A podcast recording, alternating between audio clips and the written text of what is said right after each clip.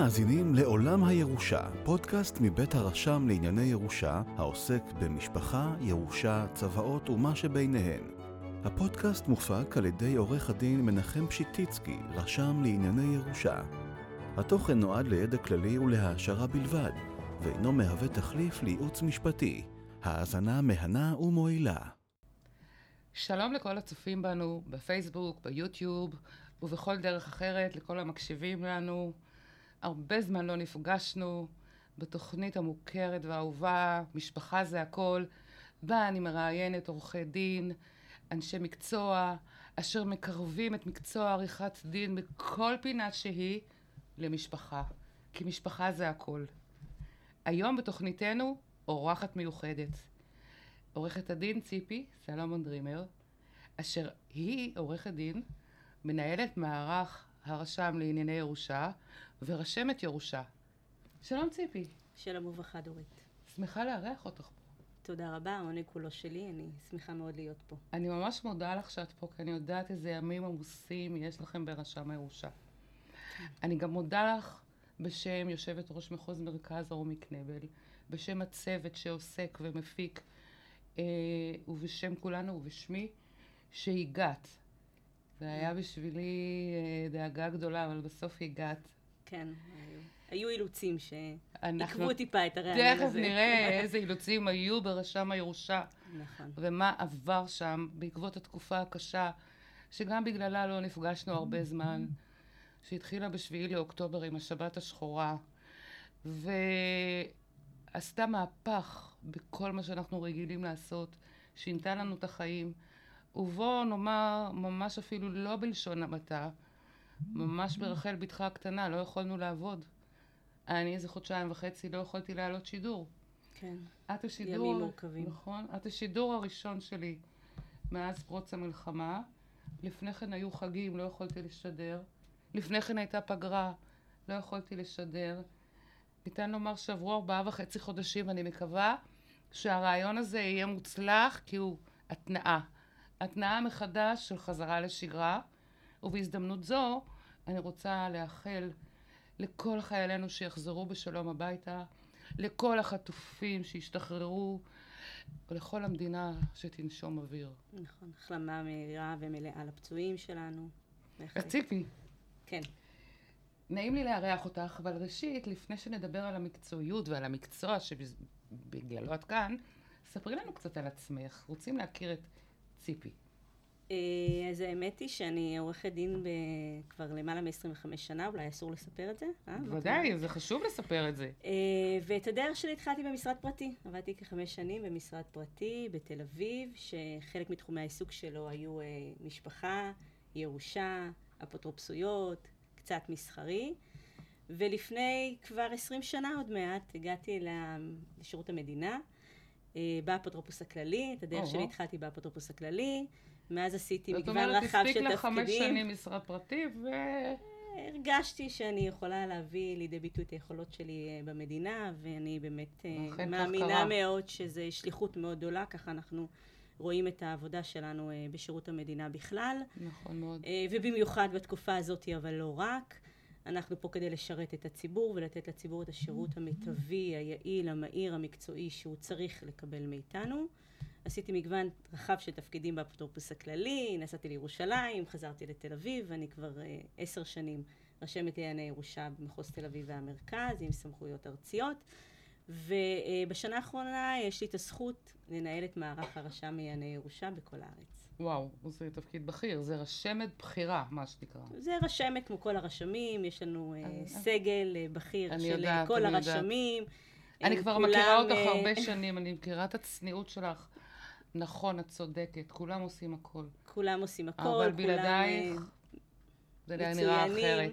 רגע, זה- לפני שאת מספרת... אבל אני חייבת להגיד, זה לא אני, זה צוות רחב אני יודעת. באמת מכל הדיסציפלינות של הרשם, שעושה לילות כימים בשוטף, ובמיוחד בתקופה הזאת שעליה עוד נדבר, כדי לתת uh, לציבור את השירות אני הטוב, יודעת, ציפי. ואני כלום בלי הצוות הזה. והם כלום בלעדייך, כי זה אי אפשר, זה הדדי, ואני יודעת זאת כי אני בתפקידי כיושב ראש ועדת ירושה, סגנית יושב ראש ועדת ירושה בקדנציה האחרונה, מועמדת ליושב ראש ועדת אה, ירושה בקדנציה הזאת, בגלל. המלחמה לא נפתחו עדיין הוועדות. יש מחוזות שכבר נפתחו יותר, אה, אנחנו עוד עדיין אה, עסוקים, חטופים, פצועים, ביקורים, עסוקים קצת במחוז שלנו, בהרבה נתינה, את רואה את הצילום של החטופים פה למטה. לגמרי. אנחנו עסוקים בהם, וזה דחה קצת את מינוי הוועדות.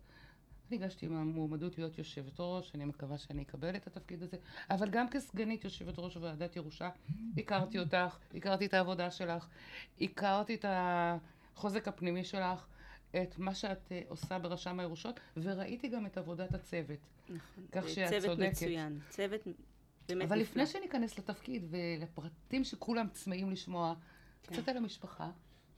אה, אני? אה, נשואה, אני אימא לשני ילדים מהממים, הודיה בת 16 ואיתן אה, בן 13, חוגג בר מצווה השנה. מזל טוב. גרה ברחובות, קרוב. וזהו. תבואי לבקר. נחמד לשמוע שאת אימא צעירה, ועדיין עם פול גז בתוך העבודה. איך זה. מסתדר? יש עזרה בבית. יש עזרה, יש תמיכה, יש בעל תומך, יש הורים תומכים, יש מגיע להם. ילדים תומכים. תגידי, תגידי, כן, מגיע כן, להם. לגמרי. זו הזדמנות כולם אה, שלהם. נרתמים ועוזרים ועושים את מה שצריך. יפה.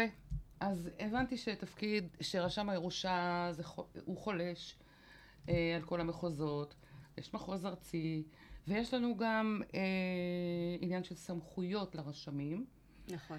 ומה שאני זוכרת, שבשנת 23 הגדילו לכם את הסמכויות. נכון. בואי דברי קצת על הסמכויות של רשם הירושות ומה בעצם הגדילו.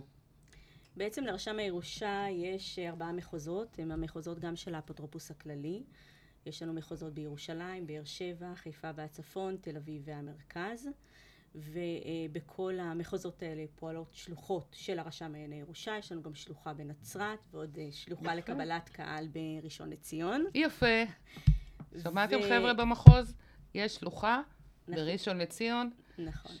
אנחנו מקווים שהיא תיפתח עוד. פעם ממש אה, בקרוב. למה היא מיועדת? שלוחה. שעבדה, אנחנו אה, נדבר על מה עושים באמת בכל שלוחה. ולמעשה, אה, בש... וואו, זה נראה כבר לפני המבול, אה? אבל בראשון לשביעי, ממש לא מזמן, קשה, הייתה לנו שנה מאוד שדחקה קשה. הכל הצידה. נכון, אז בראשון... תכף נגיע לזה, כן, אבל כן, קודם, אז- מה היה קודם? אז בראשון לשביעי, במ- במסגרת חוק ההסדרים, הצלחנו אה, סוף סוף להרחיב את סמכויות הרשמים. שזה אומר- 1998 מוקם הרשם לענייני ירושה. וואו, כל long time ago. נכון, למעלה מ-20 שנה. אה, בעצם אה, כל הסמכויות בדיני הירושה היו נתונות לבית המשפט המחוזי, אנחנו מכירים את זה, ואז חיפשו איזשהו גוף שאפשר יהיה להעביר אליו באמת הבקשות הפשוטות בענייני ירושה באותה עת. אה, חושבים על איזה מקרים הם מקרים ככה יותר מורכבים או מיוחדים שצריך יהיה להעביר לבית המשפט ושהרשם לא יוכל בעצם לתת את הצו ואנחנו מכירים כולנו את סעיף 67א לחוק הירושה שמנה עד לראשון לשביעי שמונה 23. סעיפים כן, שמונה סעיפים, אה, כשמוגשת התנגדות שהמדינה או מוסד או מוסדותיה היא אה, צד לבקשה, כשהאפוטרופוס הכללי מייצג בבקשה אה, אדם שמונה לו אפוטרופוס קטין או נעדר, כשהוגשה צוואת שכיב מרע, כשהמנוח היה תושב חוץ, כשהייתה צוואה פגומה, ויש לנו כמובן את הסמכות הכללית. חריגים. עד אז באמת חשבו שאלה המקרים היותר מורכבים שמחייבים את המעורבות של בית המשפט וכל התיקים האלה עברו כדבר שבשגרה לבית המשפט. אבל אנחנו יודעים uh, כבר uh, לא מעט שנים שגם אלה לא כל כך חריגים. כן, שגם הרשם לענייני ירושה באמת, יש לנו רשמים מוכשרים, מצוינים, שפרוסים בכל רחבי הארץ, שמכירים היטב את העבודה, יודעים לטפל בבקשות האלה לצווי ירושה, ואנחנו כבר אה, הרבה שנים ניסינו לקדם את ההרחבה של סמכויות הרשמים, עוד פעם מהפן של אה, סיוע לציבור, התייעלות של ההליכים, הקלה על הבירוקרטיה, אנחנו לא צריכים שתיקים יעברו לבית המשפט שעמוס לעייפה וצריך לעסוק באמת בסכסוכים רק על מנת לחתום על צווים וככה הצלחנו באמת בראשון השביעי במסגרת אה, חקיקה של חוק ההסדרים להרחיב את סמכויות לשנות הרשמים. טיפה את חוק 67. כן, כן, א'. זאת אומרת לבטל חלק מהסעיפים הקטנים של 67א שחייבו אותנו להעביר לבית המשפט ובעצם היום תיקים של תושבי כמה חוץ זמן זה לקח לשנות רק את את את הדבר הקטן הזה? זה הייתה עבודה ארוכה שנים, נכון? וסזיפית של שנים. כמה אה, שנים בערך? חמש שנים? לא מעט שנים. אנחנו נשאיר את זה כך, את לא יודעת מעט למה שנים. אני שואלת את זה? כי אנחנו תכף נעבור לחקיקה מהירה מאוד, אבל אני חושבת. שזה כן. זה מאוד מיוחד באמת למצב אבל צריך ה- להבין את הפרופורציות. כן, אנחנו אוקיי? ניסינו הרבה שנים באמת אה, לשנות ולהרחיב את הסמכויות, כי חשבנו באמת שזה שירות טוב ויעיל אה, לציבור. נכון. ואנחנו באמת מהראשון לשביעי אה, בעצם מטפלים ברשם לענייני ירושה, בבקשות של תושבי חוץ, בבקשות אה, לצו קיום צבא שנפל בהם פגם, אבל הפגם הוא פגם כמובן שניתן לריפוי, ויש עליו הסכמה, זאת אומרת אין התנגדות לריפוי הוא הפגם. צופה, תעודת זהות לא נכונה, כן, דוגמאות אפילו- מעין אלה. כן, אפילו שכיב מרע שלא בא עליו מחלוקת יכול לקבל היום מענה, ועשינו עוד דבר נוסף שקשור להוכחת הצוואה בהעתק, יש לנו עוד סעיף 68. יפה. אז בוא בוא רגע כן. תרחיבי את זה. עד כה, אם לא היו מביאים צוואה מקורית, הייתה בעיה. נכון, הייתה, היה צריך בעצם להגיש בקשה להוכחת הצוואה בהעתק, שבגדול הכרנו שני סוגים, אם אני יכולה ככה לתת באומדן גס, של בקשות להוכחת הצוואה בהעתק. הסוג הראשון היה קשור לתושבי החוץ שדיברנו עליו ממש לפני דקה, והוא שבאמת אה, הצוואה המקורית לא נמצאת כי היא נמצאת בבית המשפט הזר, שם קוימה הצוואה, וכמו ש... והיא שם. והיא שמה, וכמו שהרשם לענייני ירושה לא מוציא צוואה מקורית שהוגשה אליו, כי לפי תקנות הארכיונים היא צריכה להישמר לא. לעולם, אז גם הם לא. אז זה סוג אחד זה של מובן, בקשות. ואז החליטו שיקבלו... נכון, אז זה סוג אחד של בקשות שאנחנו מכירים, והסוג השני של בקשות זה באמת שצוואה לא מוצאים את המקור שלה, חיפשו בכל הבית, והם עדיין לא מוצאים, אבל עדיין העתק אה, מוצאים. שלה, העתק קיים, ואין בעיה, וכולם יודעים שזו הצוואה. אז אה, בעצם עשינו אה, מהלך משולב בתיקון הזה, ואמרנו במקומות שבהם באמת הצוואה המקורית נמצאת בבית המשפט הזר, כל מה שהיו מגישים לנו זה בקשות להוכחת צוואה בתק, ומה היו כותבים בהם דורית? שהיא נמצאת. שהיא נמצאת בבית המשפט הזר ולכן לא יכולים להוציא אותם. נכון. תיקנו את סעיף 68 לחוק הירושה ואמרנו שאם יומצא לרשם לענייני ירושה צו קיום צוואה שמאומת כדין כמו מסמך חוץ אנחנו נראה בזה כאילו הצוואה המקורית אצלנו ולא צריך במקרה הזה אפילו בקשה להוכחת הצוואה בהעתק אנחנו נראה בזה מקור. זה סוג אחד. מעולה. זאת אומרת, ו- מקלים על אנשים, הרי ממילא נפטרו, היורשים מבולבלים. אה, אנחנו מנסים לעזור, אנחנו יודעים שהבקשה, אנחנו. יודעים שהצוואה המקורית נמצאת בבית המשפט הזר, אנחנו יודעים שהסיבה שבגינה אי אפשר להגיש פה את הצוואה המקורית זה כי בית המשפט הזר לא משחרר את הצוואה, לכן אנחנו נקבל את זה כאילו צוואה מקורית הומצאה אצלנו, אבל אני עוד פעם מדגישה לטובת הציבור של עורכי הדין, צריך בשביל לב- למעשה לקבל את הפטור הזה מהבקשה להוכחת הצוואה בהעתק, להמציא צו קיום צוואה מאומת כדין מבית המשפט הזר. כמו שמאמתים מסמך חוץ, אנחנו מכירים את סעיף 30 פקודת הראיות. זה, ה, נקרא לזה הטקט הראשון שעשינו בסעיף 68, ובעצם הטקט השני שעשינו ב-68 הוא להגיד, אם הבקשה להוכחת הצוואה בהעתק היא בקשה, נקרא לה סטנדרטית, ולא באה עליה התנגדות, באמת, כל הזוכים על פי צוואה אומרים, אנחנו יודעים, יש צוואה, ואנחנו לא מוצאים את המקור, כי העברנו את אימא מהבית שלה לבית האבות, וכנראה בדרך זה נעלם, אנחנו לא יודעים איפה היא כמו שמה. בבית המשפט, כמו בכל מקום. מה נכון. שנעשה בהסכמה ואין לו התנגדויות, נכון. עובר, כולם ו- חותמים. ולכן היום אנחנו בעצם גם את הבקשות להוכחת צוואה בהעתק בסמכותון, בסמכותם של הרשמים לענייני ירושה אה, לאשר אותם וגם התיקים האלה לא עוברים לבית המשפט. אה, אני יכולה להגיד... רגע, אז אני אשאל אותך, אז מה כן כן. עובר בבית המשפט? אז מה שעובר לבית המשפט זה התנגדויות כמובן שמחייבות באמת דיון אדברסרי בבית המשפט. מישהו מתנגד לצבא, צוואה, או לצו ירושה, ירושה. רוב ההתנגדויות כמו שאנחנו מכירים הן באמת. לבקשות לצו קיום צוואה. כן, אבל מישהו מתנגד. כשמישהו מתנגד, זהו, הרשם לא מתערב או כן מתערב? הרשם לא מתערב, לפעמים בכוח היועץ המשפטי לממשלה מתערב, זה אה, משהו אוקיי. אחר, זה נכון שגם היועץ המשפטי לממשלה יושב באפוטרופוס הכללי, זה טיפה מבלבל, אבל זה באמת אה, סמכות אחרת לגמרי, זה פרקליטים, זה לא הרשם עצמו, זה גם לא עובדי הרשם שמתערבים בהליכים האלה. אה, אם יש בין ה... אה, אם המדינה או מוסד ממוסדותיה היא המבקשת בבקשה, אם המדינה מייצגת בית חולים או איזושהי קרן, אז אנחנו מעבירים את התיק לבית המשפט, כי הצדק צריך גם להיראות. יפה. ויש לנו מקרים שבהם האפוטרופוס הכללי הוא זה שמייצג בבקשה אה, קטין, או אדם שמונה לו אפוטרופוס, או אה, נעדר. הנעדרים אולי יופיעו לנו גם בהמשך, בכל מה שעשינו אה, המלחמה לענייני המלחמה. ששינתה לנו את חוק הירושה, רגע. גם. ויש סמכות כללית למעשה להעביר אה, לרשם, כשהוא מוצא לנכון, להעביר את הבקשות לבית המשפט. אז הוא יכול לרשום שאני מוצא לנכון? מצאתי לנכון? אנחנו בדרך כלל מנמקים את זה בהחלטה, כדי שבית המשפט יבין למה אנחנו מעבירים את התיק לבית המשפט. אנחנו... זה קצת יותר מורכב, צריך הסבר. כן, כן. אנחנו בהחלטות שלנו, אנחנו uh, כותבים למה התיקים עוברים לבית המשפט, מהי סיבת ההעברה, למה אנחנו מוצאים לנכון, אנחנו עושים כל מאמץ, עוד פעם, במגבלות כמובן החוק, לתת את הצווים אצלנו כשאפשר. Uh, הנתונים של 2023 יעידו על זה שבאמת רוב התיקים uh, נפתרו והסתיימו אצלנו, יפה. והתיקים שמצריכים באמת דיון בבית המשפט, אז עוברים לבית המשפט. יפה, אז הבנו את התפקיד בגדול, והבנו גם מה עובר לבית המשפט, אבל בואו נדבר על האתר הנגיש והמקסים של רשם הירושות. כן. אני רוצה לומר לך שיש הרבה אתרים ממשלתיים. לא נעים להגיד זה לאנשים מתים, אבל אני נהנית לעבוד עם האתר הזה. פשוט. אנחנו עושים באמת מאמצים מאוד מאוד גדולים שהשירותים שאנחנו מעלים יהיו אה, קלים, ידידותיים, אה, נגישים ומהירים. אה, בעניין הזה של האתר, גם לעורכי דין וגם לציבור הרחב. לגמרי, גם לציבור הרחב, ואנחנו נדע, כל הזמן חושבים באמת על שני הציבורים שהם המשתמשים שלנו באתרים האלה. ואולי נספר להם עכשיו על השירות החדש שהשקנו רק בשבוע שעבר? בטח, בוודאי, למה לא? אז... יש שירות חדש משבוע שעבר. נכון, סקופ. אז באמת... אה, לוחצים וקורה. הראשון, מה האמת, קורה?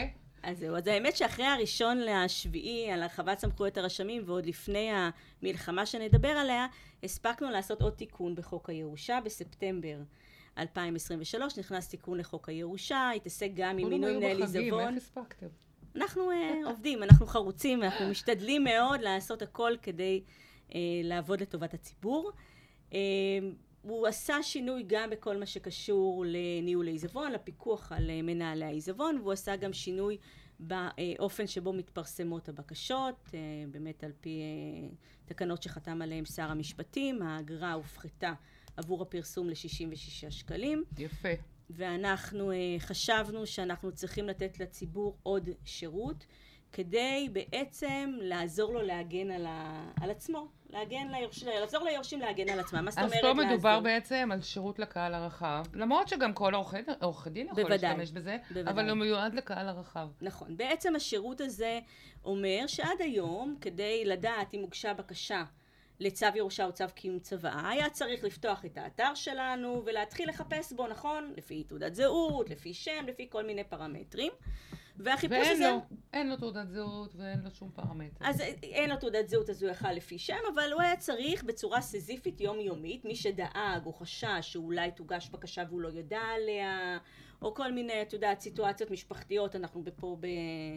אה, כן, עורכת הדין ציפי דרימה סולומון מדברת על זה שיש משפחות שלא מדברים ביניהם על צוואות, או שלא מדברים על רכוש, או לא על חלוקת רכוש, ויש חלק מהיורשים שדואגים. נכון, יש חלק מהיורשים שמרגישים פחות בטוח, נקרא לזה ככה, נכון? בתוך המשפחה, מכל מיני סיבות. ועד היום הם היו צריכים בעצם בצורה יזומה וסזיפית לפתוח כל יום את האתר שלנו כדי לראות אם הוגשה בקשה או לא הוגשה בקשה. והיום? והיום יש לנו שירות חדש, באמת, בשני פרטים כפתור. ולחיצת כפתור. את כבר התנסית בו, אמרת לי, ככה לפני השידור. ואפשר להירשם אליו, אנחנו בעצם אה, רושמים את הפרטים של היורש או מבקש השירות שמבקש לדעת מתי תוגש בקשה.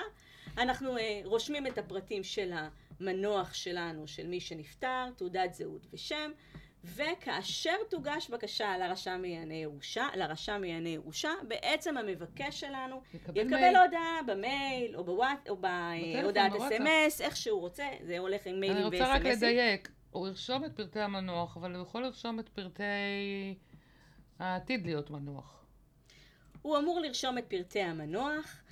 אה, השירות הזה נועד לאנשים שכבר נפטרו, והוא אה, יקבל הודעה על הגשת הבקשה, וכאשר תוגש בקשה, תשלח לו בעצם הודעה שתגיד, אתה נרשמת לשירות הזה עבור המנוח הזה והזה, הוגש תיק מספר, בקשה מהסוג ירושה או קיום, במחוז הזה, מספר התיק הוא כאן, הוא כזה, מספר התיק כמו שהוא מספר התיק, הוא מקבל את הפרטים בעצם שהיו חשופים לו יכול, באתר. שמשם הוא יכול להתקדם. בדיוק, ומשם הוא יכול להגיש בקשה לעיון, יכול לעשות את כל מה שהוא רוצה, וזה יטופל כמובן לפי הכללים נכון, הרגילים. נכון, ובקשה לעיון בצו צבא, כן, מניסיוני, כן, או חיפוש אחרי קיום צוואות, או צווי ירושות, גם בלחיצה באתר. נכון. בתוספת של חמישה שקלים, נכון? נכון. השירות הזה שהעלינו עכשיו של... הוא חינמי. הוא חינמי, בדיוק. השירות לטובת השירות הבא בתור, השירות של לקבל את הצו, ולקבל אותה... שאתה הוא... רוצה בעצם לקבל העתק מצו, הוא שירות שהוא כבר שירות באמת אבל בתשלום. אבל למה חמישה שקלים? זה נשמע כלום כסף. זה שירות בחמישה שקלים כי הוא קשור להעתק של הצו, למספר הדפים או מספר המסמכים שאנחנו עלויות, בעצם... עלויות קטנות שאנחנו, שיש לרשם. נכון, שאנחנו בעצם אה, שולחים. והוא uh, שירות שבמסגרתו, נניח את עורכת דין, ועכשיו בא אליך uh, לקוח, והוא אומר לך, אני רוצה לעשות עסקה. ואת uh, עורכת דין זהירה, את uh, פותחת נסח, שולחת uh, שאילתה, נכון? ללשכת רישום המקרקעין, מקבלת נסח, וזה, ואת אומרת, וואו, אבל הנכס הזה בכלל לא רשום על שמך, הוא רשום על שם מישהו אחר שנפטר. נגיד.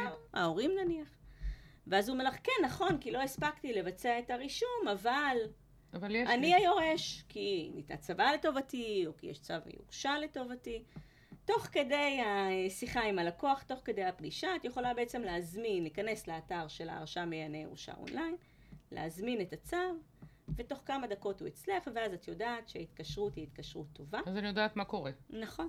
יפה. דרך אגב, שירות נוסף שהעלינו בתחילת 2023 אה, הוא בעצם בקשה משולבת יחד עם הטאבו. אפשר היום להגיש בקשה לצו ירושה, וכבר לבקש רישום בטאבו, בדיוק, נהדר. עבור נכס מסוים. זה הדבר הכי נהדר שיכולתם לעשות.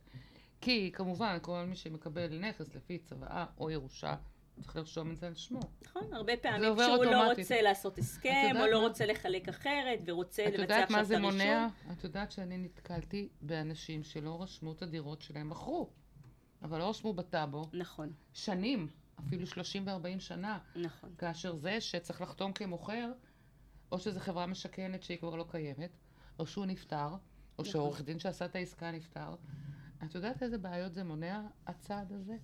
כן, אני מדהים. חושבת שזה שירות באמת, אה, מה שנקרא one stop shop של הממשלה, עם השותפים המצוינים שלנו אה, בלשכת רישום... מקרקעין? כן, לשכת רישום מקרקעין, באגף לרישום רישום זכויות והסדר אה, במקרקעין. אנחנו באמת עובדים בשיתוף פעולה מצוין, והכל כדי לקדם את השירות לציבור. וזה מדהים לקהל הרחב, וזה מדהים לעורכי דין. נכון. כי זה מקל לנו על העבודה, ולהם נכון. זה גם לא, לא עושה להם בלאגנים. נכון. זה אומר שאנחנו את הצו נעביר ישירות לרישום בלשכת הרישום, והלקוח יקבל שירות כולל. נהדר. אז שאלה קטנה, אחרונה, כן. בעקבות השינויים הגדולים והיפים שעכשיו תיארת שקרו, רק ב-2023 לא הספקנו לשים לב אליהם. כי באוקטובר קרה משהו. נכון. אבל העניין של הפיקוח על מנהלי עיזבון, מה שיניתם פה? אז בעצם אנחנו אה, שינינו והפחתנו את נטל הפיקוח על מנהלי עיזבון והשארנו את הפיקוח האפקטיבי של האפוטרופוס הכללי על מנהלי עיזבון למקרים שבאמת יש אינטרס שראוי אה, להגנה. מה זה הפחתנו את נטל הפיקוח? ת, ת, אה, תתרגמי לי את זה לפרקטיות. בעת, לפרקטיות מאוד פשוט, אם עד היום בחלק מהמקרים היה צריך להגיש דוחות לאפוטרופוס הכללי, נכון? נכון. אז בחלק מהמקרים היום לפי התקנות החדשות צריך את הדוחות האלה להגיש ליורשים. שעבורם מנוהל העיזבון, והם אלה שצריכים לפקח על מנהל העיזבון. זה למשל דוגמה... מזכיר קצת נאמן. כן. דוגמה קטנה, נכון? מנהל עיזבון הוא officer of the court אמנם, אבל הוא בעצם אמור... אה, להיות אמון, להיות על, אמון על, על חלוקת העיזבון ועל העיזבון עבור היורשים, הם אלה שנהנים מפירות עבודתו, ולכן במקרים שבהם אין אינטרס ראוי להגנה, אין אדם שמונה לו אפוטרופוס, אין קטין, אין נעדר, אין הקדש, אין בעצם סיבה שהפיקוח לא יהיה על ידי היורשים עצמם, שיודעים הכי טוב לפקח על מנהלי עיזבון שלהם. נהדר. זו דוגמה קטנה. ועוד שאלה על מנהלי עיזבון. כאשר מצוינת בצוואה שרוצים ש-X יהיה מנהל עיזבון, אתם ממנים אותו, או אתם שולחים לבית משפט? לא, אין צורך לשלוח לבית משפט, אבל בהקשר הזה אני אגיד שני דברים. אחד, זה שמצוין בצוואה ש-X מונה כמנהל עיזבון, לא אומר ש-X ימונה כמנהל עיזבון, לא בבית המשפט ולא אצל הרשם כי לענייני צריך ירושה. הסכמת יורשים. לא רק שצריך הסכמת יורשים, דווקא במקרה שאיקס מונה בצוואה, אין צורך לפי החוק בהסכמת יורשים, אלא כי יש צורך בהצדקה.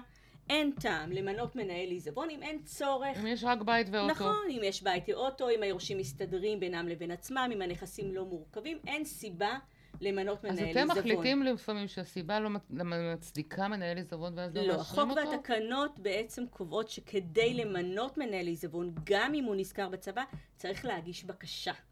זאת אומרת, זה שמנהל עיזבון נזכר בצבא, זה כשלעצמו בסדר. לא, אה, מ- כן. לא עושה את המינוי, אלא מה שצריך לעשות את המינוי זו בקשה הבקשה. נפרדת למינוי מנהל עיזבון. ואז בבקשה צריך להסביר את ובבק- הצורך. בדיוק. בבקשה צריך להסביר מה ההצדקה במקרה הספציפי הזה למינויו של מנהל עיזבון, ולעיתים בהחלט יש לכך הצדקה, ואז אם מדובר במנהל עיזבון שמונה בצבא, אין צורך בהסכמה, והמינוי יכול לעשות אצל הרשם לענייני ירושה, ואם יש מחלוקת על זהות המינוי, או מדובר במנהל עיזבון שלא מונה בצבא ואין הסכמות, אז המינוי ייעשה בבית המשפט. זה במנהל עיזבון קבוע.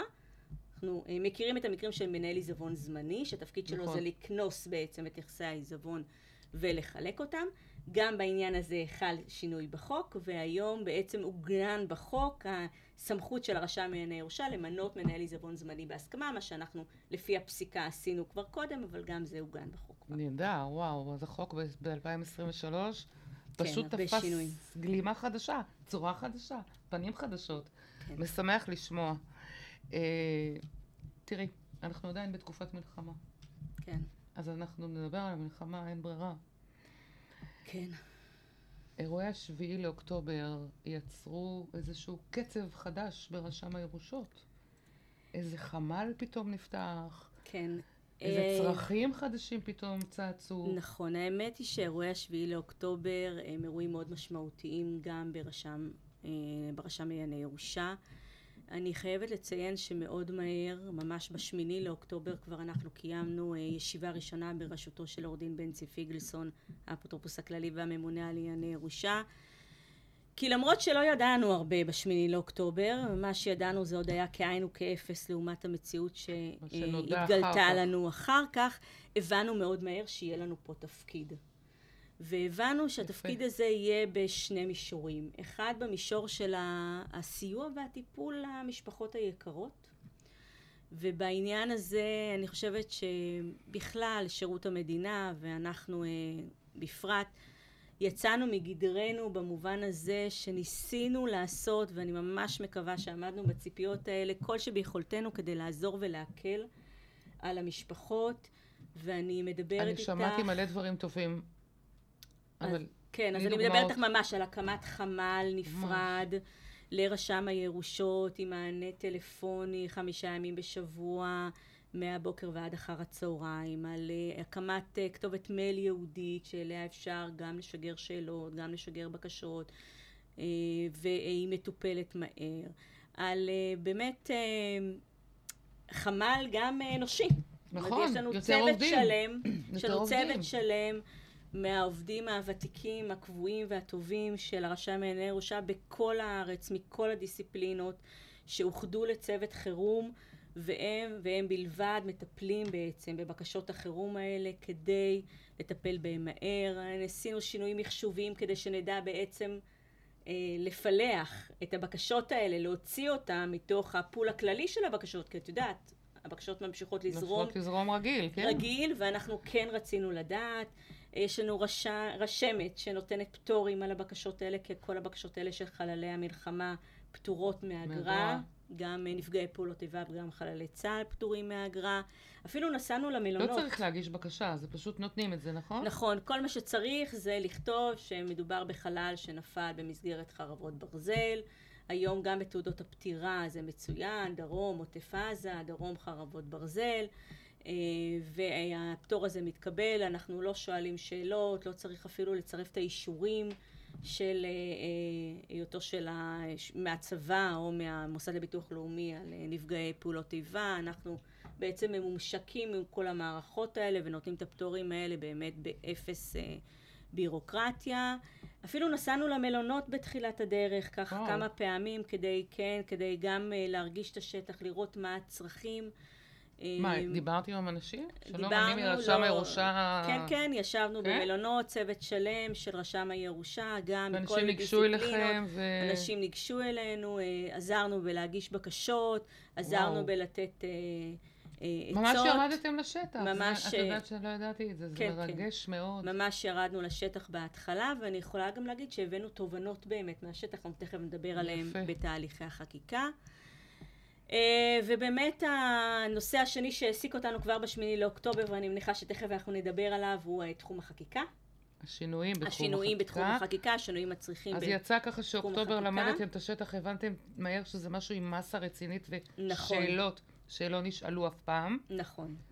היו להם תשובות בחוק, אבל לדבר כזה לא היו תשובות בחוק. נכון, וגם הבנו שאנחנו בסיטואציה יותר מורכבת. אנחנו תכף נדבר באמת על שני הסעיפים שתיקנו, אנחנו הבנו שאנחנו בסיטואציה יותר אז מורכבת. הבאתם ואנחנו חייבים מהשטח. לחמ"ל, ואחר כך בנובמבר, בסוף נובמבר כבר תוקן החוק. שביעי לנובמבר כבר היה לנו, שביעי, ממש חודש, תוקן? 30 יום אחרי אה, פרוץ המלחמה, כבר היה לנו... בשביעי לנובמבר תוקן החוק? בשביעי לנובמבר תוקן החוק ונכנס לתוקף. אני לא מאמינה אה, במדינה כזאת אה, בירוקרטית. לא, אני חייבת להגיד שבאמת, אה, לפחות ממה שאני עבר חוויתי, כנסת? עבר כנסת, בוודאי. עבר קריאות הכל? עבר... קר- אי אפשר להעביר לא, חקיקה אני בדרך שואלת, לא, אחרת. אני חייבת. כן, כן, ועדת חוקה, עבר כנסת, עבר ועדת חוקה, שיתוף פעולה באמת פורה גם עם האמת שאני יודעת שהחוק. לא היה משתנה אם לא היה עובר את כל זה, אבל פשוט צריך להזכיר לצופים ולשומעים מה כרוך בהעברת חוק. נכון, אבל באמת אני חושבת ש, אה, שכולם הבינו שאנחנו מדברים פה באירוע אחר ושצריך אה.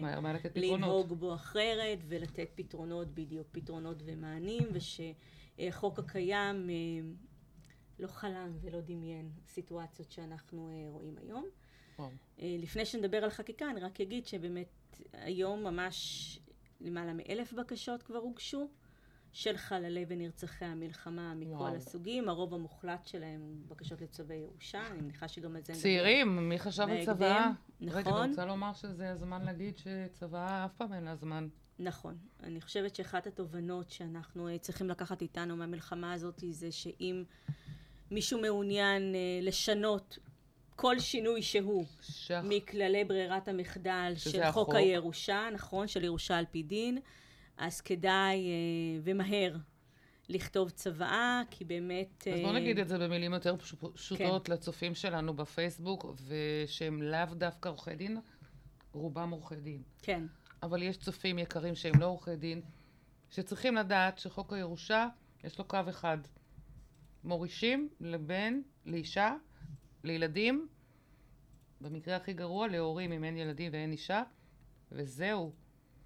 אה, החוק הירושה גם, אה, כשנפטר אחד ההורים, מוריש גם לילדים. נכון. אין לו ברירות מחדל. מי שרוצה לצוות אחרת, נגיד, מי שרוצה לצוות, אני רוצה לתת לאשתי הכל, והיא נותנת לי הכל, ואחרי זה הילדים, וחושב שככה אומר חוק הירושה, לא, הוא צריך לערוך צוואה. אז נחזור לציפי. כן. אני יכולה להגיד היפים. בהקשר הזה באמת, שיש לנו צוואות של אנשים בגילאים שאנחנו יותר רגילים, אה, שכותבים בהם צוואות, שרק אירוע הפטירה שלהם היה כתוצאה מהשביעי לאוקטובר, שמיני לאוקטובר והלאה, אבל אנחנו... אז אה, בואי בוא, בואי נגדיר את זה גם יותר ברור. אנשים מעל גיל 50 בערך, נכון? יש לנו אנשים יותר מבוגרים אפילו באמת, 60? כן, 60, 70, שאנחנו... שהחליטו אה, שהגיע הזמן לכתוב צוואה, נכון. והם נספו גם. והם נכון. הגיעו לציפי גם, לצערנו. כן, אז וש... בואו נראה את ההבדלים. כן. ואנחנו כן גם רואים אה, מאוד מעט, אבל אה, חיילים מהשטח, אבל זה אחר כך. שכתבו צוואות. נכון. עכשיו, תוך כדי, תוך כדי תנועה. באפטר, או באיזושהי חופשה. תוך כדי תנועה חיילים הבינו שהם גם יכולים כן. לא לחזור. אנחנו- אבל זה לא קורה בשגרה, שחיילים אה, נכון, מתגייסים נכון. לצבא אנחנו- ועושים דבר כזה. אנחנו גם רוצים שזה לא יקרה, כמובן. דרך אגב, גם אה, אליי הגיע לקוח כזה, בשבעה. שהבן שלו חייל, והוא הביא לי את הבן, כי יש דירה על שם הבן, יש דירות פה, יש שם. אז כן, יש כל מיני. אה, הרוב המוחלט הם בקשות לצווי ירושה. יש לנו היום כבר מעל 820 או 830 צווים שכבר ניתנו, והזמן הממוצע למתן צו בחרבות ברזל הוא סדר גודל של 18 יום ממש. אנחנו, מהר. צ- כן, צוות כל הזמן, כל רוצה הזמן לספר מה. הזמן הרגיל? סדרי גודל של 40 יום בשאיפה לרדת. כן. אפילו יותר. לא, לא. בדוק מאתמול. אזכיר לך את המייל ששלחתי לך? איך שנה אין לי צו? ממוצע אמרנו, דורית. טוב. בסדר. אז בואי נתקדם באמת להבדל בין מה קרה כשמישהו מהנספים הגיש צוואה, ומה קרה כשמישהו מהנספים הלך לעולמו והיה צריך להתמודד עם חוק הירושה. אז בצוואה אני חייבת להגיד שבגדול אה, נתקלנו בקשיים משני סוגים. הסוג הראשון הוא באמת אה, קביעת זמני הפטירה למרבה הצער. יש לנו אה, זוגות שהלכו לעולמם וזמני הפטירה נקבעו בזמנים שונים. גם בזה אנחנו מנסים לעזור ולסייע. כדי שזמני הפטירה ייקבעו כפי שהם היו במציאות, כי באמת המציאות המרה שבמסגרתה הובאו אלפי גופות, אה, מצער. מאות גופות, לא אלפי גופות, מאות ביחד גופות, ביחד, הובאו. בדיוק. אני רוצה להסביר רגע, אני רוצה להסביר את. ה, את הפשוט, את הפשט שבמה שאת אומרת, שכאשר מגישים בקשה לקיום צבא, אז שואלים מי נפטר קודם. נכון. ופה ציפי מדברת על הדבר הזה שהיא לא הציפה אותו, אבל מי נפטר קודם? נכון. אז uh, באמת גם בעניין הזה יש, והקושי השני שאנחנו נתקלים בו זה um, שיש לנו למרבה הצער משפחות uh, שיש בהן גם נרצחים וגם חטופים, וגם בזה צריך לטפל גם במישור של צבא וגם במישור של צו ירושה. זה במישורים של הצוואות, ככה בגדול מה שאנחנו נתקלנו עד עכשיו. מדובר בעשרות בודדות של מקרים נכון, שכרגע לא הוגשו לקיום, צבא. נכון. לצערנו. ובמישור של צווי הירושה הבנו מאוד מהר שיש לנו שני סעיפים שיכולים להיות מורכבים להפעלה במקרה המצער של השביעי לאוקטובר. זאת אומרת, במילים אחרות, הם היו שם רדומים או לשון... נכון, יש לנו סעיף לשון שלא רדום. מה שנקרא? כן, היה לנו סעיף לא שהערתם רדום. אותה? כן, כן, היה, רדום, לנו, היה. לנו סעיף לא רדום, סעיף 6, סעיף ההסתלקויות שאנחנו תכף נדבר עליו, שהוא סעיף שנעשה בו שימוש כבשגרה, אבל חשבנו שכן צריך לעשות בו לשנות בו תיקון. משהו. נכון. לצורך אה, אה, טיפול בבקשות שמוגשות עבור חללי ונרצחי המלחמה.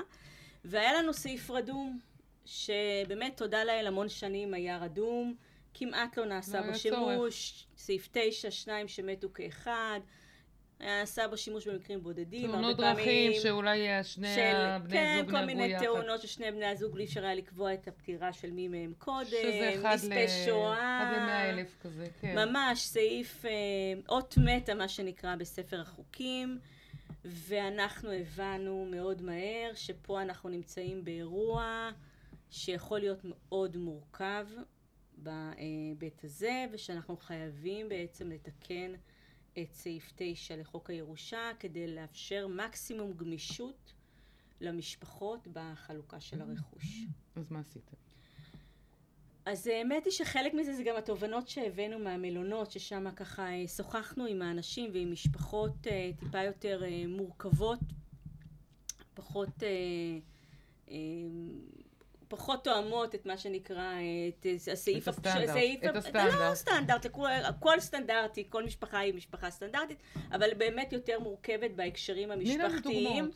את לא, לא אה, שמות, דוגמה, דוגמאות. לא שמות. אה, באחד הקיבוצים דיברו איתנו על אה, ילדים שלא אומצו כדין, אבל בעצם הם מאומצים. מאומצים אצל המשפחה, שם במקרה הזה אה, מישהו אז מבני הזוג... האם הם יורשים או לא? זאת בדיוק, השאלה? מישהו מבני הזוג אה, נרצח, והיה רצון בעצם אה, לתת גם להם איזשהו חלק, זו דוגמה אחת. יש לנו עוד דוגמאות של למרבה הצער משפחות שלמות ש... שנרצחו, שנכחדו, ואז אנחנו, כמו שאמרת קודם, עולים לפרנטלה, לדרגת הקרבה של ההורים, ושם ביורש ודאי יורש ספק בסעיף 9 זה עושה את העניינים מאוד מאוד מורכבים, והמטרה היא לפשט לציבור כמה שיותר ולאפשר גמישות וחלוקה. החוק לא אפשר את זה. אתם החוק, כאילו סידרתם את החוק שיאפשר אנחנו את זה. ניסינו לה- לאפשר מרחב יותר גמיש, אולי נדבר קודם על סעיף 6 ואחרי זה על כן. סעיף 9. כן, סעיף 6, הסעיף סעיף שש- ההסתלקות. כן, סעיף ההסתלקויות, סעיף שמוכר לכולנו, כולנו יודעים שאפשר להסתלק לטובת בן זוג, ילד או אח של המוריש. זה מה שמאפשר מוגבל. סעיף 6 בהסתלקויות לטובת. נכון. ואנחנו מאוד מהר הבנו שצריך להרחיב את המעגל של אנשים שאפשר להסתלק לטובתם, למה? כי ידענו שיש לנו אוכלוסייה מאוד צעירה, שזוג הורים רוצה לרשת, ואנחנו גם מכירים את זה מהמקרים, ה- נקרא להם רגילים, שמגיעים אלינו, שבמסגרתו אחד ההורים רוצה להסתלק לטובת השני. ידענו שיש לנו אה, חלק מבני זוג ובנות זוג של אנשים צעירים שירצו להסתלק לטובת מהשטח. ההורים. זה הבאנו מהשטח, ובעצם הרחבנו את מעגל ההסתלקויות לטובת כל מי שיורש לפי סעיף 10, עוד פעם רק עבור חללי ונרצחי חרבות ברזל. זה השינוי בחוק. נכון. ובנוסף אפשרנו גם, אפרופו הסיפור מהשטח, להסתלק לטובת בן זוג לשעבר, ילד של בן זוג לשעבר, ומי שהמוריש ראה כילדו. כמו המאומצים שלא הספיקו לאמץ כמו. המאומצים בלי האימוץ החוקי. אז זה הרחבה של סעיף 6 אתם צריכים על שניתנת. זה הוכחות, למשל? מי שמאומץ ראה שעל הילד מאומץ הזה זה כאילו הסכמה של האחים? תראה, ברמת העיקרון מי שמסתלק הוא זה שמוותר על חלקו. אז אם הוא מוותר על חלקו לטובת מי שהמאומץ ראה כילדו, יש להניח שהמאומץ ראה אותו כילדו, אחרת הוא לא היה מוותר על חלקו. זה לא מביא אותם לתוך מצבת היורשים, שימי לב. זה מאפשר להסתלק לטובתם. לכן בהכרח אוקיי. מישהו צריך להסתלק ולהגיד לנו, תשמעו, אני רוצה להסתלק לטובת X, כי X הוא היה כמו ילדו של המוריש, וכמובן שאם אה, שהוא רוצה להתנגד, יתנגד, אבל על פניו אין סיבה התנגדויות. להתנגדות, כי זה הסתלקות מחלק של מישהו מסוים, והוא מוותר על חלקו. נהדר. אה, אז העניין הזה באמת הורחב, אנחנו רואים ענקית. שימוש מאוד מאוד גדול בהסתלקויות לטובת הורים. שוב ממש, לציין, אה, זה הרחבה, הרחבה לצורך חללי מלחמה. אבל נכון. חס וחלילה, אתם, אתם מדייקים את זה לתור, לצורך מלחמת חרבות ברזל, או שאם ת, יקרה מצב כזה בעתיד, זה יתאים לכל מלחמה?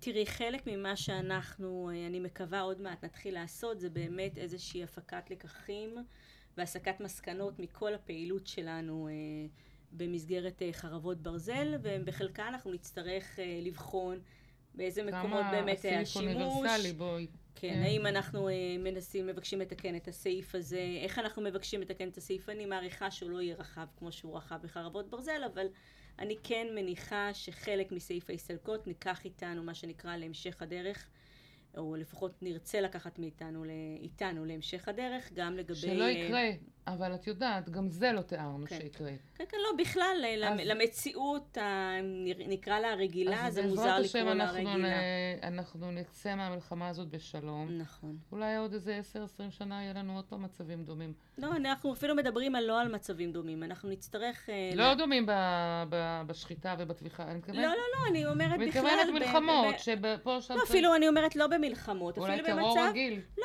מצב סטנדרטי, אדם נפטר בשיבה טובה, אני תמיד מדמיינת את והוא כולם יוכל בשיבה להוריש טובה. לפרנטלה יותר רחבה ולהסתלק וכל... הוא להוריש בירושה על פי דין לא, בצבא הוא יוכל לעשות, דיברנו על זה, אבל בהסתלקויות, עוד פעם, אני מניחה שהסעיף הכללי ככל שהוא יהיה, לא יהיה רחב כמו שרחב כמו בסעיף של. חרבות ברזל, אבל בהחלט אנחנו נעשה תהליך של אה, הפקת אה, לקחים והסקת מסקנות, מה מאוד אנחנו, מעניין. אה, כן, מה אנחנו לוקחים איתנו בכלל מהאירוע הזה, המצער הזה של מאוד חרבות מעניין. ברזל. אז נעבור לסעיף 9? כן.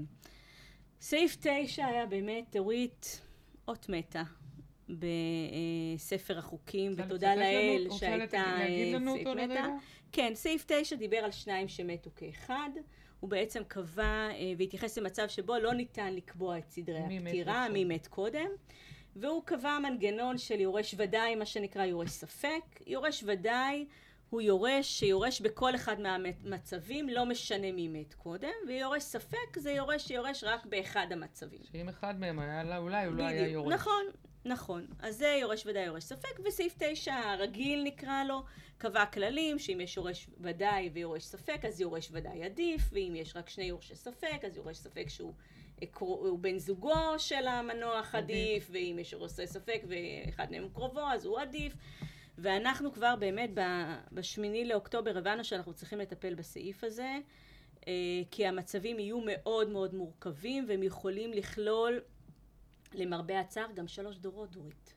לא וואו. רק שניים שמתו כאחד, שלושה שמתו כאחד. וואו, נכון. ארבעה שמתו. כאחד. זה קרה. סבתא, אימא וילדים. נכון, זה קרה. וכשככה ניסינו לחשוב איך אנחנו מאפשרים איזושהי גמישות ליורשים, אה, בעצם הבאנו בסופו של יום, אחרי אה, באמת דיונים רבים, גם עם מחלקת ייעוץ וחקיקה, גם כל הרשמים שלנו בראשותו של עורך דין בנצי פיגלסון, אה, מנהל אה, האפוטרופוס הכללי והממונה על ענייני ירושה, אה, בוועדת חוקה, עם, עם חברי הכנסת, עם הארגון של נפגעי פעולות טרור, עם באמת עם כל מיני אנשים שעסקו ועזרו לדייק את הסעיף הזה, עשינו בעצם שני דברים שהם מיוחדים לחרבות ברזל, קצת דומה למה שעשינו בסעיף 6. יש עכשיו סעיף 9 שהוא אה, בעצם חל רק על חרבות ברזל ולא על מקרים אחרים. ועשינו בו שני דברים. אחד, זה קבענו חזקה חלוטה לגבי כל מי שנפטר בשביעי ובשמיני לאוקטובר.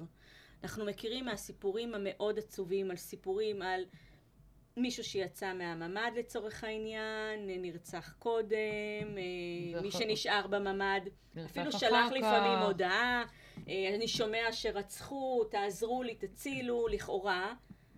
אנשים כאלה לא היו נכנסים בכלל לסעיף 9 קודם, כי מה אמר לנו סעיף 9 רגיל? שניים שמתו כאחד, פה סדרי הפטירה היו uh, ברורים, כי יש לנו נניח הודעת וואטסאפ, או איזשהו טלפון ממי ש... אבל החלטתם פשוט לעשות הכללה, שביעי, נכון, שמיני, שביעי, כולם שמיני, מתו כאחד. כולם מתו כאחד, חזקה חלוטה. וואי, ו- זה עצוב, את יודעת רק להבין את המשמעות של המשפט נכון, הזה? נכון, נכון, נכון. מה זה, זה עצוב. נכון, אנחנו בכלל אה, באמת אה, עוסקים אה, לילות כימים בכל ה... הדברים העצובים האלה בתוך... בקשות. הנבח... בתוך, את יודעת, נכנסים לעומק העניין של הדברים העצובים האלה. נכון, אנחנו באמת, כל הצוות שלנו לילות כימים עובד ממש על הבקשות האלה. בקשות קשות, קשה, ואנחנו מאוד מאוד מאוד משתדלים לעזור למשפחות. אז קבענו חזקה חלוטה בחוק, שאומרת שכל מי שנרצח בשביעי ובשמיני כתוצאה כמובן מאירועי המלחמה, יראו אותם כשניים שמתו כאחד וייכנסו לתוך סעיף 9. והדבר הבא שעשינו הוא באמת להגמיש את סעיף 9 ולאפשר חלוקה אחרת אה, שהיא שונה מתשע הרגיל, מיורש ודאי יורש ספק והכללים המאוד מאוד ברורים שלו, כמובן בהסכמה בין הצדדים, אם יש ויתור של... פחות יורש ספק, יותר יורש ודאי. או שזה לא קשור? לא, לא בהכרח. יותר הסכמות הייתי אה, אומרת, ויותר אפשרויות חלוקה יותר רחבות, כי באמת אה, המציאות אה, עולה על כל דמיון בזוועות של השבת השחורה. אז באמת אם יש הסכמה בין היורשים, אז אפשר לעשות חלוקה אחרת, ואם יורש הוודאי רוצה לוותר לטובת יורש הספק או להשתתף יחד עם יורש הספק הוא יכול, וגם יורשי הספק שקיבלו עדיפות בסעיף 9 רוצים להשתתף עם אחרים יכולים גם הם להשתתף, וגם הורחבו בעצם סמכויות הרשמים ובתי המשפט אה, להגמיש את הכללים של סעיף 9, אם הם רואים, אה, יש כל מיני פרמטרים בסעיף, שככה הייתה משפחה מאורגנת, או אה, כל מיני כאלה, כי באמת לתת איזשהו מרחב מאוד רחב של אפשרויות לחלוקה של העיזבון במקרים המאוד מאוד מאוד קשים ועצובים האלה. קשה. כן. אבל אתם פותרים את הבעיות מאוד יפה, אני חייבת להחמיא לך. אני גם, כל העניין הזה שאתם אינטואיט, זאת אומרת, גם הלכתם לשטח, כל העניין הזה שאתם פתרתם את זה בשביעי לנובמבר, אני חשבתי לקח יותר זמן אפילו.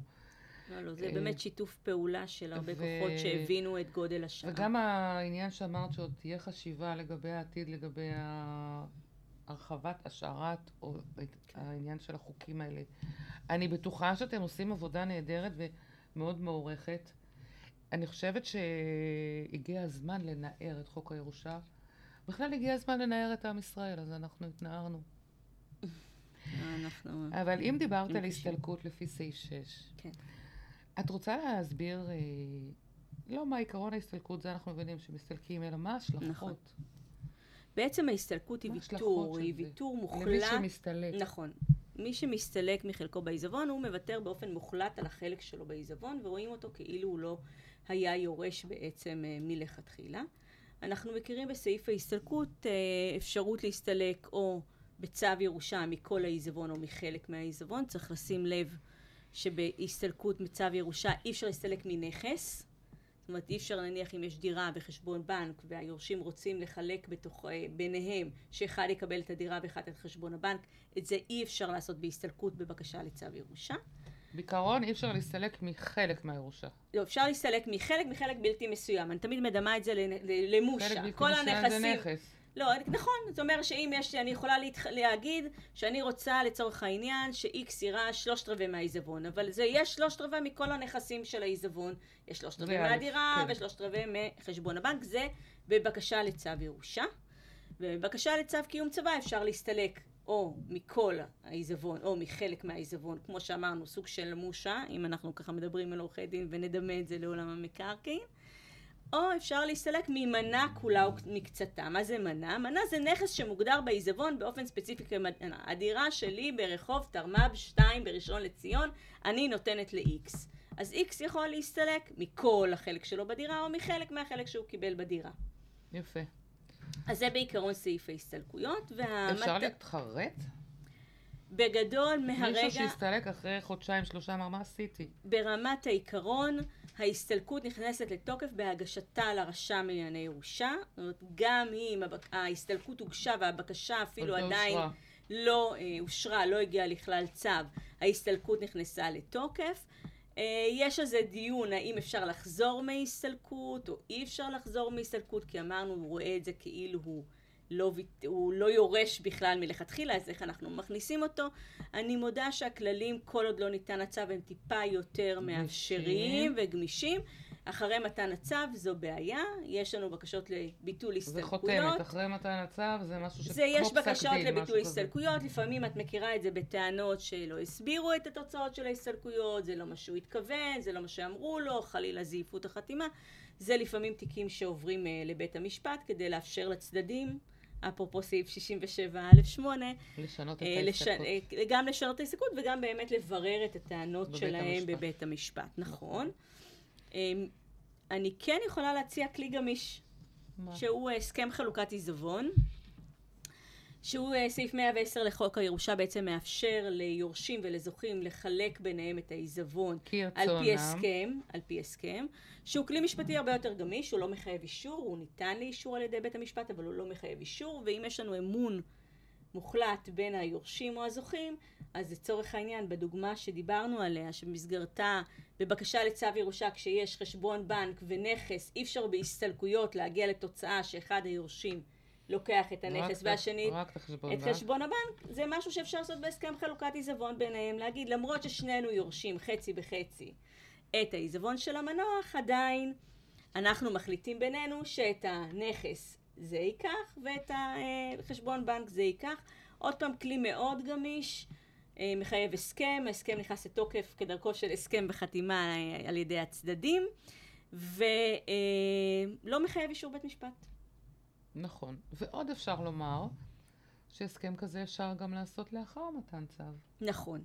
הסכם כזה אפשר לעשות גם לאחר מתן צו, וככל לא שלא בוצע רישום, צו ירושה נכון, או צו קיום צבא. נכון, אבל מאוד חשוב בעניין הזה להקפיד לא לבצע רישום על פי הצו לפני ההסכם, כי אז זה נחשבת עסקה. כל עוד נשאר המצב כפי נכון. שהיה כשהמורישים הורישו אותם, לא נמכר, לא נמכר, לא נפדה, לא נמסר. לא, בעיקר לא נרשם. לא נרשם. בעיקר לא נרשם. Uh, את צודקת, והזכרת לי משהו חשוב, כי באמת uh, סעיף 6... אני עוסקת בזה בדיוק, זה העבודה שלי. סעיף 6 באמת, בבקשת לתיקון או ביטול, לפעמים, את יודעת, הצדדים נמצאים באיזושהי סערת רגשות אחרי הפטירה, באיזושהי uh, מורכבות משפחתית כזאת או אחרת, והם מגישים את הבקשה לצו ירושה, וכולם רוצים כולם לרשת, ואחרי זה כשהם ככה מאבדים את האבל ואת ההשלכות שלו על הנכסים הכלכליים, פתאום אומרים, רגע, מה עשינו? אנחנו רוצים... בכל זאת להסתלק. לסדר את זה אחרת. כן, כן, לארגן את זה אחרת. אז גם סעיף ההסתלקויות מאפשר את זה, וגם סעיף 72, תיקון של צו ירושה או צו קיום צבא, אבל במקרה הזה, סעיף ההסתלקויות, שימו לב כולכם, שיש בו בעצם אה, אה, תנאי שאומר שאפשר לבצע הסתלקות כל עוד לא חולק העיזבון. זאת אומרת, נכון. אם בוצע אפילו התחלה של חלוקה, זהו. אי אפשר כבר לעשות הסתלקות. בהסכם חלוקת עיזבון, גם אם בוצעה התחלה של חלוקה, אפשר לעשות הסכם לגבי נכס אחר. עוד פעם, ההמלצה היא באמת לא לבצע רישום על פי הצו אם הולכים להסכם, בטח לא בלשכת רישום המקרקעין, כי אז רואים בזה עסקה ואישורי מיסים וכו' וכו'. הבנו את הטיפים היפים, תודה. אבל זה מוביל אותי אה, לשאול אותך, מה זה בקשה לתיקון? לתיקון צו אה, ירושה? לתיקון צו קיום צוואה?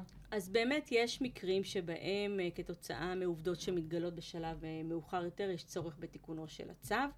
סוג למשל? אחד של תיקונים זה באמת הסתלקויות, זאת אומרת כשהיורשים או הזוכים, מתחרטים. הם לא מתחרטים, הם רוצים לארגן את, ה... לארגן את הירושה חישוב מחדש שלהם. בווייז. כן. נכון, הם רוצים לארגן את הירושה שלהם אה, בדרך אחרת, אז זה אה, סוג אחד של בקשות שאנחנו רואים לתיקון אה, של צווים. אנחנו גם מכירים בקשות לתיקון של צווים ולביטול של צווים, למשל בקשה לביטול של צו ירושה, מהטעם שפתאום הותרה צוואה, עכשיו צריך לבטל את צו ירושה ולתת צו קיום צוואה, או התגלתה צוואה מאוחרת לצוואה שהוגשה לקיום, יש כל מיני סיבות. מה שחשוב בדברים האלה זה שבעצם הבקשה צריכה לעמוד בתנאי סעיף 72 לחוק. ועוד דבר אה, שעשינו בספטמבר השנה זה העברנו את החובה להמציא את הבקשה לתיקון או לביטול על כתפי המבקש. עד היום בעצם הרשם לענייני ירושה היה ממציא לצד השני, למשיב בבקשות האלה את הבקשה. תקנה 27 לתקנות הירושה תוקנה בספטמבר ועכשיו חלה החובה על המבקש להמציא לצד השני. לצד השני, כמו בכתבי בית דין רגילים שאנחנו רגילים בבית המשפט. למדתם את הפטנט. אה, לזרוק לצד זה, השני. זה באמת הרבה יותר נכון, כי הוא זה שצריך באמת להגיב. את הצד השני, והוא צריך זה להגיב, ולכן החובה מוטלת עליו, אז הוא צריך בעצם להמציא את הבקשה לתיקון או ביטול המשיב, צריך לצרף כמובן את כל המשיבים, את כל מי שזכה לפי צו קיום הצוואה, או ירש לפי צו הירושה, כל מי שזה עלול להשפיע על הזכויות שלו, ולהגיש את הבקשה לתיקון. אז בואי נשאל אותך שאלה שהיא בתוך העניין הזה של התיקונים והצו. כן. כאילו קצת יותר טריקית. מה, מה היית אומרת עדיף לעשות, או מה עדיף בעיני הרשם, אה, לעשות תיקון אה, צו ירושה אה, לפני נתינת הצו? זאת אומרת, להגיש את בקשה אה, לנתינת צו עם הסכם בין יורשים מראש, או להוציא צו, ואחרי זה לתקן אותו. תראי, בעיניי תמיד עדיף... כאילו, מה נראה פחות טוב, או מה כאילו לא מסתדר? אני לא חושבת שזה עניין שנראה פחות טוב או מה פחות מסתדר. בעיניי תמיד עדיף לחשוב מראש על באמת על הסיטואציה ועל החלוקה. בטח ובטח אם הולכים להתייעץ עם עורך דין, אז צריך לדבר על הנכסים ועל איך אנחנו רוצים לחלק אותם, ותמיד בעיניי עדיף לבוא בהזדמנות הראשונה יחד עם צו הירושה, כשהיורשים בעצם כבר גיבשו לעצמם איך הם רוצים לחלק, בין אם בדרך של הסתלקויות ככל שזה מתאים, ובין אם בדרך של הסכם חלוקת עיזבון. זה תמיד עדיף לחשוב, לעשות את כל השיקולים, לבדוק את מצבת הנכסים, לראות מה היורשים רוצים להסכים, ולהגיש את הכל כבר בצורה מסודרת לרשם לענייני ירושה. הרשם לענייני ירושה לא מאשר הסכמי חלוקת עיזבון, זה אנחנו יודעים, בסעיף 110 ניתנה הסמכות רק לבית המשפט, אבל כמו שאמרתי קודם, לא חייבים בכלל לאשר את הסכם חלוקת העיזבון. ולכן גם אם מגישים אותו יינתן צו וההסכם בעצם יחיה יחד עם הצו מכוח החתימה וכשילכו לכל הרשויות שצריך להעביר בהם נכסים ילכו עם שניהם. יש פעמים כמו שאמרתי קודם שאנחנו מבינים שהיורשים היו באיזושהי סערת רגשות או היה איזשהו משהו שככה מאוד שלא לחיץ הייתה אותם. הסכמה ביניהם. מישהו הגיש בקשה, מישהו ואחד הגיש יכול להגיש בקשה- בלי שאחרים יודעים. לא, אחד יכול להגיש וכולם צריכים לדעת, לפי תקנה אבל לא יכול 14 הם אה, כולם צריכים אה, לדעת, כל מי שיורש על לדעת פי כן, דין אבל מגיש יכול להגיש צריך אחד. לדעת, ואני מחזירה אותנו להתחלה, לשירות החדש שחנכנו, אז בכלל עכשיו אה, כולם לא יודעים. צריך להיות מצב וכולם יכולים החדש. בדיוק בלחיצת כפתור לדעת. תמיד עדיף לחשוב מראש, אבל אנחנו מבינים שיש פעמים שבאמת החשיבה נעשית טיפה אחרי, מכל מיני נסיבות שמשתנות, וגם להם יש מענה. מה שחשוב זה שאחרי מתן הצו, ככל שמדובר באמת בבקשה לתיקון של הצו כתוצאה מהסתלקויות, היא צריכה לעמוד גם בסעיף 6 לחוק הירושה, מה שאמרנו העיזבון לא חולק, וגם בסעיף 72, זאת אומרת צריך לנמק אותה ולהסביר אותה למה מגיעים עכשיו לתיקון. יפה. אני חושבת שדיברנו על כל מיני היבטים של חוק הירושה, מצדדים רב... מצדדיו הרבים. הכנסתי את עניין המלחמה ברמה מאוד נעימה. את יודעת, קשה לדבר על זה, נכון, זה באמת דבר מאוד קשה. מאוד. והייתי רוצה לשאול אותך אם את רוצה להוסיף עוד משהו שלא שאלתי אותך. אמ, לא, רק לאחל לנו לימים טובים יותר.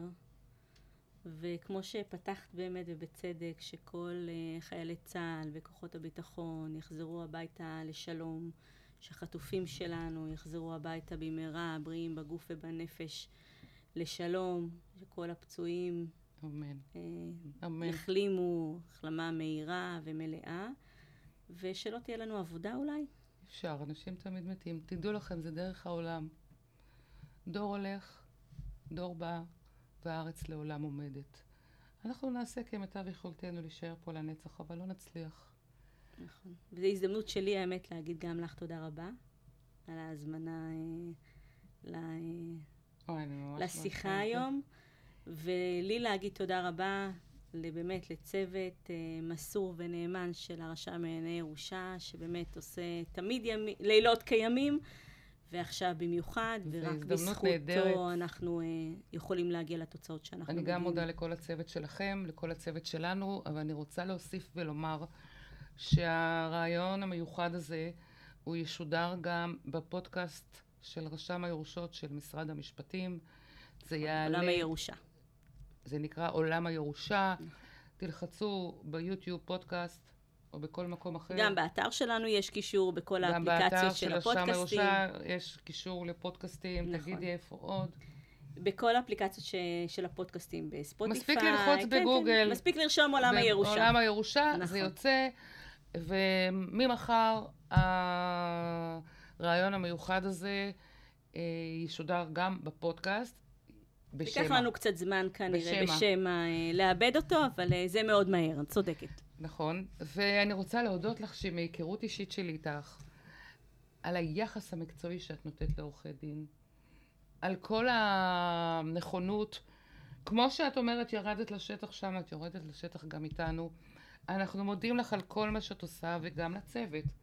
אנחנו מודים לכל הרשמים, נכון. כי בלעדיהם אנחנו לא יכולים לקדם אנשים, ואתם עושים לנו את העבודה ברמה הטובה ביותר, באמת רק לשבח, ועל שיתוף הפעולה עם לשכת עורכי הדין. אני מודה לך מאוד, זה לא מובן מאליו. אה, אז אה, תודה לעורכת הדין ציפי סולומון דרימר, שהיום אירחנו אותה כמנהלת מערך הירושה וכרשמת ירושה ברשם הירושות, משרד המשפטים, הקשור גם לאפוטרופוס הכללי. תודה לכולם, להתראות בשידור הבא. תודה ציפי. אין בעד מה, להתראות.